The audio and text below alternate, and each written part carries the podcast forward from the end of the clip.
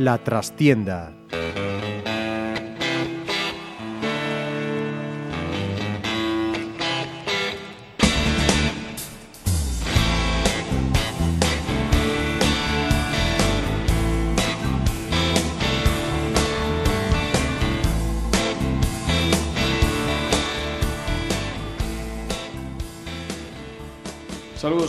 habla Ramiro Espiño en nombre de todo el equipo. Comenzamos una nueva edición de La Trastienda en Pontevedra Viva Radio desde nuestros estudios en la calle Michelena de Pontevedra. Tres puntos es la distancia que separa al Teucro del retorno a Liga Sobal. Tres puntos de ocho en juego, con un único equipo que tiene opciones matemáticas de superar a los azules, el Palma del Río.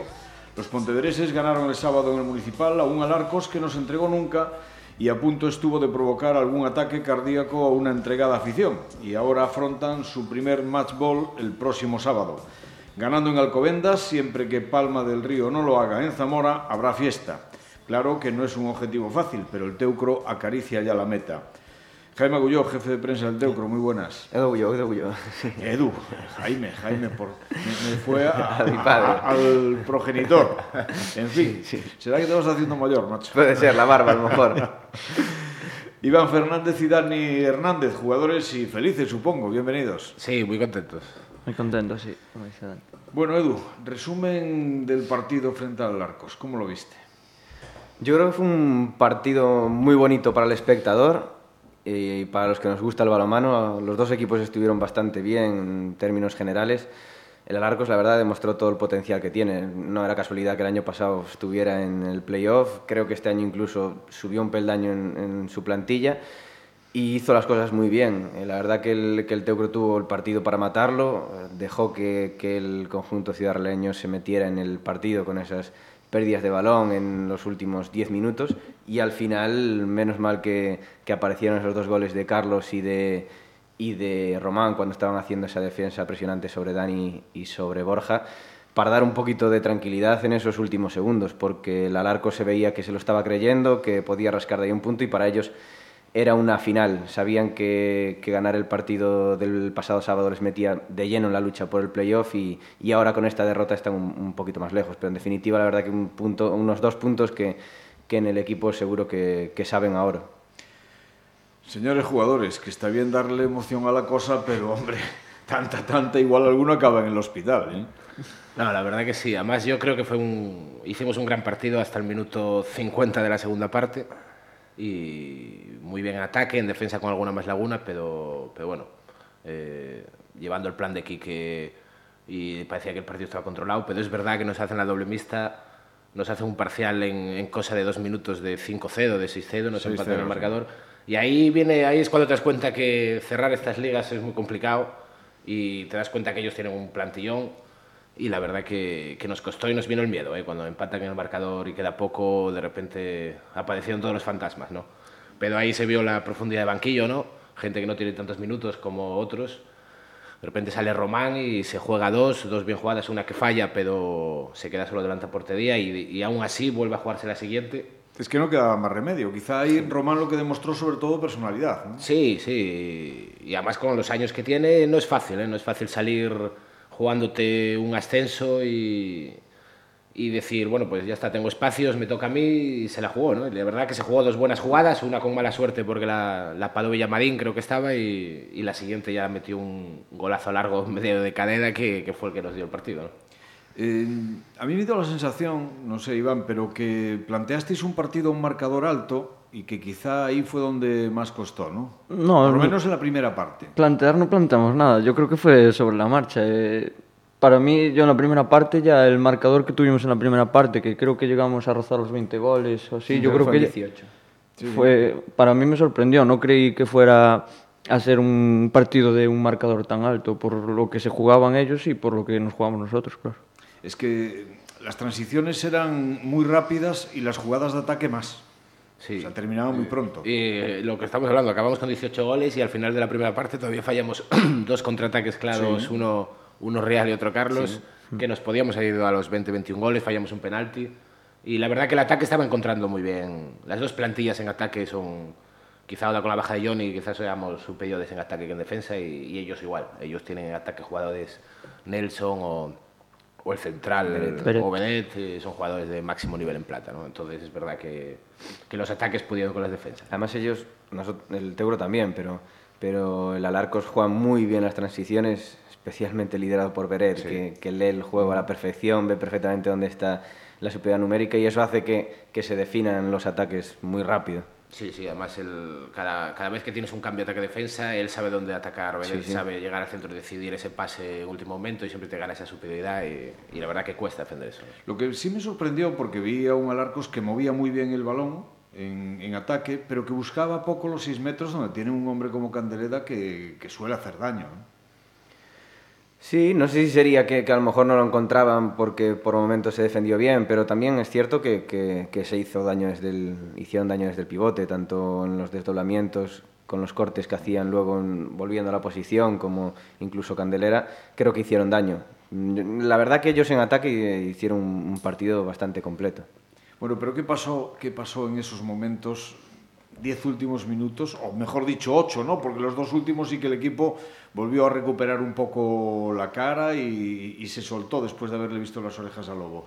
¿Qué pasó? Porque no es fácil que un partido que parecía resuelto, pues eh, al final casi se escape, ¿no? Yo creo que tampoco nos esperábamos que nos fuesen a presionar arriba, entonces arriba. Eh, también puso a los que menos jugábamos y así, igual salir un poco fríos, pues no estabas tan dentro del partido y sí que nos costó un poco eso, creo yo, vamos.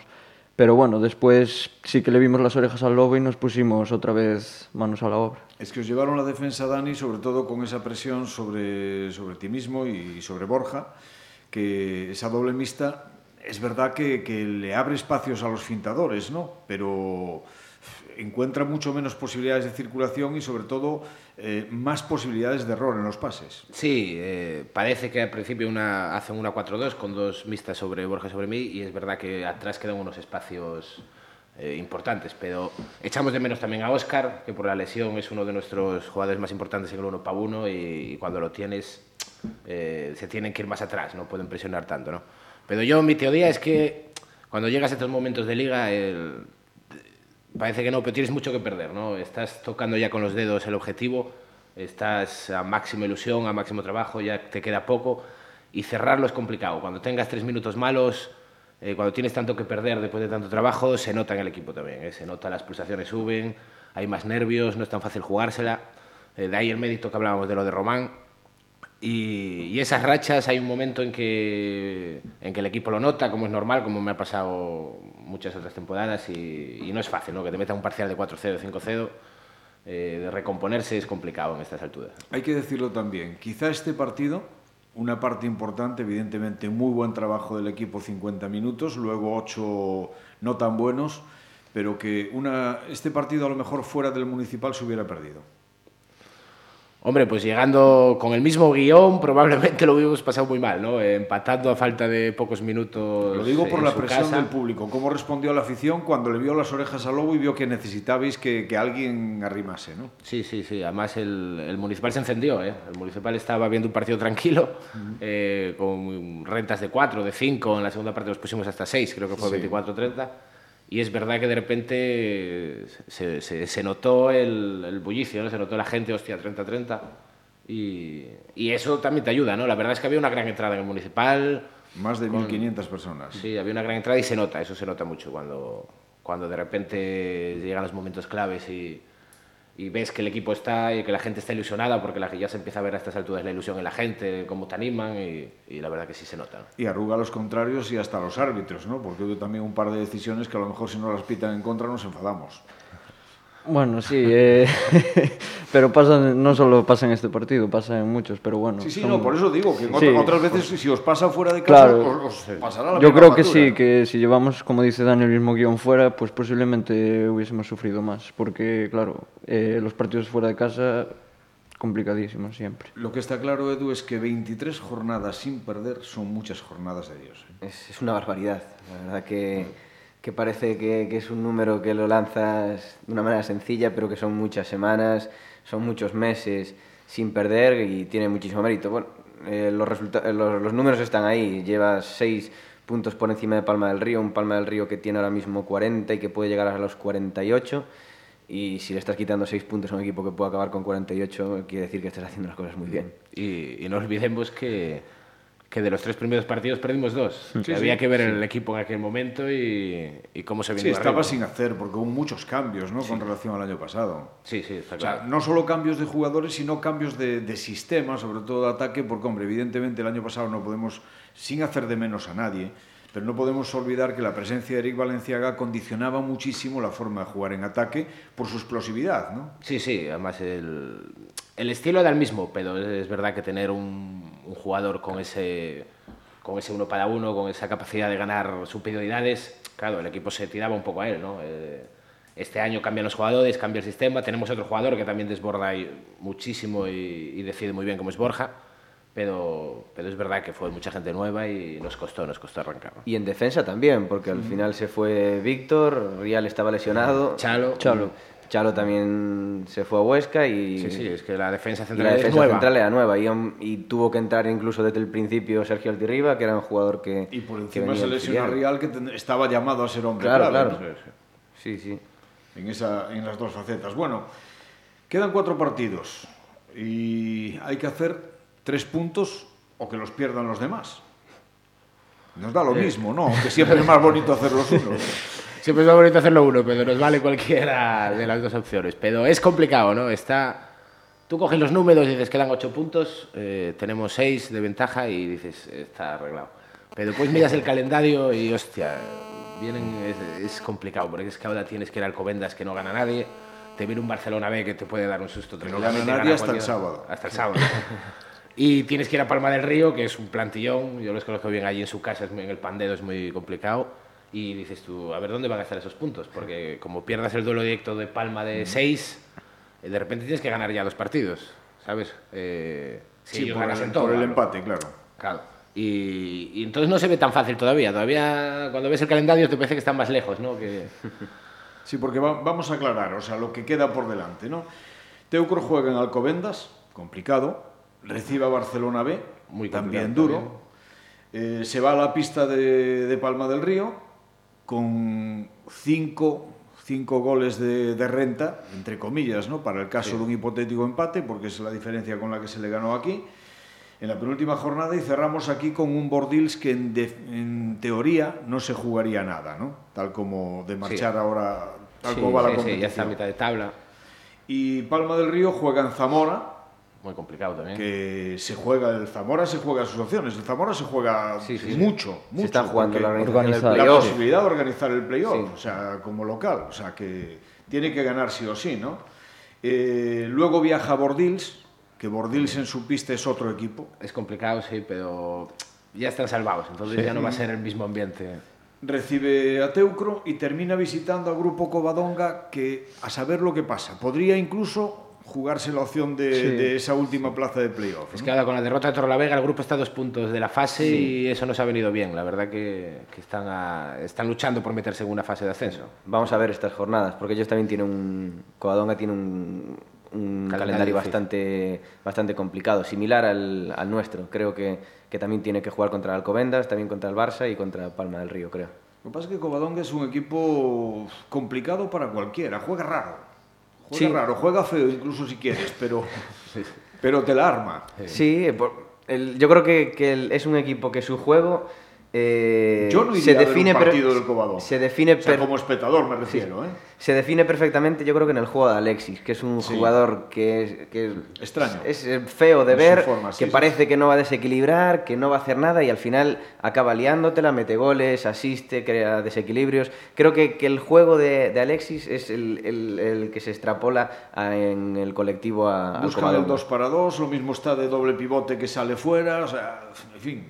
Sí, sí, salían, además tienen grandes jugadores y salían entre ellos muchas veces dejando circular el balón, pero solo diciendo, bueno, pues tengo a Alexis, tengo a Prende, tengo a Viti, Y un- ellos se un alían porterazo. entre ellos. sí Y un porterazo. Y, un- y un y porterazo. el- y uno de los, si no el mejor, uno de los mejores porteros de la, de la categoría, está claro.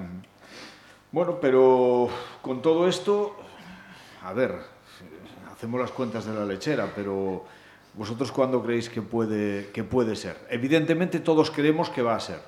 Sí, vamos, yo estoy, yo tengo fe en que este sábado en el autobús de vuelta tengamos una alegría, que desgraciadamente va a ser en el autobús, porque Se jugamos para- nosotros... Se para en el camino. Sí, pues nosotros jugamos a las 6, creo, y, Y y ocho y Palma, media, y Zamora ocho, Palma ocho es a las media. 8 y media. Entonces, yo tengo la esperanza de ganar el partido en Alcobendas y de que pondremos la radio y, y a ver si a las 8 y media o, a- bueno, a las 9 y media, 10 tenemos una buena noticia, ¿no? No estaría mal, ¿no, Iván? Hombre, estaría bien. Lo que pasa es que es eso, lo del autobús que no sería muy, muy cómodo celebrar allí, pero bueno, eh, todo a su tiempo, ¿no? Yo creo que, que primero tenemos que hacer nuestro trabajo y después ya vendrá el otro resultado. Pero bueno, nosotros dependemos de nosotros mismos hasta ahora, así que... Eso es lo que no os pesa en absoluto, entiendo, es esa responsabilidad de decir tantas jornadas, alguna vez, alguna vez puede eh, romperse esta racha, ¿no? Y que, que dure. Por mí que, que obviamente todos deseamos que, que no se rompa en toda la temporada, pero sí que es verdad que cuanto más largas son las rachas, más complicado es mantenerlas. Bueno, yo creo que sí que, que sí que pensamos que algún día puede romperse, pero bueno, eh, nosotros si hacemos nuestro trabajo, yo creo que tenemos una muy buena plantilla y amplia y yo creo que somos superiores a cualquier rival. Eh, en cuanto a juego y demás. Eh, en cuanto a plantilla, pues a lo mejor también, pero bueno, eh, sí que confiamos en, nuestro, en nuestras cosas y, yo creo que no tenemos rival. Sí que fuera de casa puede pasar de todo, pero vamos, nosotros vamos allí para, para hacerlo mejor. Por cierto, la lesión de Johnny ha hecho cambiar un poco la forma de, afrontar estos últimos partidos, ¿no? Un poco lo que decías tú antes, Dani, que más pendiente o más centrado el juego en el ataque que en la defensa incluso. No, sí, la verdad que yo, mi opinión es que Johnny es uno de los mejores defensores, si no el mejor de la liga, eh, por lo menos de los defensas centrales, y, y tuvimos la suerte que volvió Real, ¿no? Entonces hicimos un poco de cambio de cromos, Real es un gran defensor también y, y- y tuvimos esa suerte, pero aún así la defensa cambia, la profundidad que tiene, las piernas que tiene Johnny no las tiene otro jugador en toda la liga. Y es verdad que, que pierdes un poco de profundidad y eso lo resiente, ¿no? Pero al final el estilo va a ser el mismo. Nosotros vamos a intentar estar defendiendo, presionando, siendo profundos atrás y corriendo. Y, y, bueno, y el ataque va a seguir pues, en- con nuestro estilo, ¿no? Y, y va a seguir más o menos un poco el camino, ¿no? De Lo todas único eso. formas, por si hiciera falta, le hemos mandado a Barcelona que se recupere y de paso que hable con, con el Barça, ¿no? Eso, sí, eso. El que, el que tiene mano allí. que, que vengan tranquilos o por lo menos que, que el primer equipo se lleve a tres o cuatro para cuando vengan. Siempre, siempre sería bueno, evidentemente. Bueno, ¿y a quién veis en playoff? Palma, Zamora, Alcobendas, esos parecen seguros. Y luego Torrelavega, Cisne, Covadonga e incluso Alarcos para la plaza que queda. Yo apuesto por Torrelavega, no sé si me tira un poco eh, la familia que tengo allí en mi hermano, pero su calendario es... Bueno, tu opinión no cuenta, dejamos aparte. Está influenciada. Está influenciada, pero el calendario, aunque la acaba de, acaba de perder contra el Zarauz, que es en casa, pero bueno, Sorpresa, ¿eh? sorpresa, porque se le hubiese dado ya medio promoción. Pero tiene el Gijón en casa, tiene que ir a Córdoba las últimas jornadas, que seguramente puede ser que el Córdoba esté descendido, y tiene un buen calendario. Yo apostaría a Torrelavega o Cisne, serían los que yo apostaría por... Va a depender de lo que pasa aquí el sábado, ¿no? Entre ellos, precisamente. Sí, el... Lo que pasa es que, bueno, hombre, Torrelavega tiene una ventaja importante, que al Cisne el parcial hombre, tendría que ser un hecatombe, porque ha ganado en- el Torrelavega ha ganado allí en- De 10, o creo, 10, de sí. 9, sí, yo sé que es un 10. resultado muy abultado, de 10 creo que era. Una diferencia impensable, vamos, que, que se pueda superar, con lo cual, aunque gane el Cisne, sigue dependiendo de pelea. terceros, ¿no? Claro, entonces ahí va a estar. Lo que pasa es que, claro, el Torrelavega ahora perdiendo con Zaragoza en casa ya queda, ha dejado dudas. Puede ser que después, si tiene otro tropiezo y el Cisne está bien, pues... No, va- se va a pelear hasta la última jornada. Bueno, por si acaso cargamos algo en la bodega del autobús para la vuelta de, de Alcobendas o no, Iván. Bueno, yo creo que habría que preguntarle aquí que... que... Lo cargamos sin que se entere. Sí. Pero sí, bueno... O sea, de, eh, de contrabando, lo metemos ahí en la maleta. Hoy, si, si sucede pues el ascenso allí, pues yo creo que, que pararemos por ahí, ya de mano de él, vamos, de- ya mandará él parar. Hombre, me imagino que ahí relajará un poco la disciplina, si es así, ¿no? Sí, yo creo que sí, ya, ya se soltará un poco la melena él también. ¿Tú cómo lo ves, Edu? Respecto al playoff... De, de... entrada respecto a esta próxima jornada. A esta próxima jornada. Bueno, yo creo que, que desde Zamora le va a llegar una alegría al Teucro. Creo que, que el Palma del Río va, va a tropezar. Luego el, el, partido en Alcobendas va a ser un partido Yo durísimo. a Palma, perdón, a Palma lo estoy viendo fuera de casa sufrir más que, que a principio de liga, por ejemplo. ¿no? Sí, Palma del Río está envuelto en una situación un poco problemática. Parece ser que tiene problemas económicos. De hecho, ya ha recibido dos o tres amenazas por parte de la federación por no pagar las cuotas arbitrales. Y supongo que el, que el vestuario estará un poquito revuelto, que, que, siempre se aclaran las cosas cuando estás peleando por el ascenso, que al final eh, te estén pagando no. Es un sueño único, que, que tienes un año para, para poder vivirlo y eso será lo que les esté enganchando, pero claro, cuando ves que se van alejando y que a lo mejor en un partido lo, lo vas perdiendo, pues es más fácil que te puedas dejar ir. Por eso yo creo que, que con todo lo que se juega a Zamora, si, si ellos plantean un buen partido, creo que, que Palma va, va, a pinchar. Pero como decía, el partido que tiene el Teucro en Alcobendas va a ser durísimo porque el Alcobendas yo creo que tienen en mente que este es un partido para cerrar el, el, la clasificación para el playoff. Ellos si ganan se ponen en 34 puntos, prácticamente podemos decir que ya estarían clasificados para la fase. Pero tampoco les hace falta, hombre. Le van a llegar puntos después, o sea, que, que lo dejen un No, y bueno, si, si al final el Zamora, si el Zamora ganase, que lo pasa que claro, juegan después, creo que, que, que un empate les, les habría perfecto tanto al Teucro como, como al Alcobendas, porque el Alcobendas también con un puntito, ponerse con 33, con el calendario que le queda, también yo creo que estoy seguro que allí, antes del partido, seguro que, que firman el empate contra el Teucro. Bueno, nada, firmamos el empate, chicos. Bueno, bueno primeras no creo. ¿eh? Yo creo que la victoria estaría mejor. Bueno, pues no. Seguro que lo firman más ellos que, que nosotros. Que, sí, que sí. nosotros. Porque ellos, ya te digo, aparte de que se enfrentan contra el primero, un equipo que lleva eh, 23 partidos sin perder, creo que ese punto les viene, les viene muy bien y, y, evidentemente el Teucro no puede firmar un empate cuando vienes de 23 jornadas seguidas sin conocer la derrota. Nada, vamos a ganar y si hay que empatar, se empata, que tampoco sí. está mal. Y luego pues ya esperamos, yo es que estoy viendo, no sé, una, una, cosita así, a lo mejor me equivoco, pero ahora que está tan de moda esto de redes sociales y todas estas historias, ¿no? Estoy viendo un selfie masivo en el autobús de vuelta. y lo espero y lo deseo de verdad, ¿eh? Ojalá. Ojalá, sí. Chicos, Iván Fernández, Dani Hernández y Edo muchísimas gracias por estar aquí. Enhorabuena, pase lo que pase, por el temporadón que estáis realizando y que estoy absolutamente seguro que terminará con el, con el Teucro donde le corresponde por historia y trayectoria en Liga Sobal, en la máxima categoría del balonmano. Muchísimas gracias. Muchas, gracias. Y a todos vosotros os dejamos con nuestra habitual despedida musical. En esta ocasión escuchamos a un grupo anglo-estadounidense de rock que en sus comienzos, allá, ya llovió, por 1978, formó parte de la llamada New Wave. El fallecimiento de dos de sus componentes originales dejó esta banda en manos de la que fue su fundadora, compositora, guitarrista y vocalista, Chrissy Hynde. Son The Pretenders y uno de sus temas más laureados, Still By You, aún por ti. Como siempre, que lo disfrutéis. Será hasta la próxima semana que intentaremos que haya más y si podemos también mejor. Muchas gracias. Os esperamos.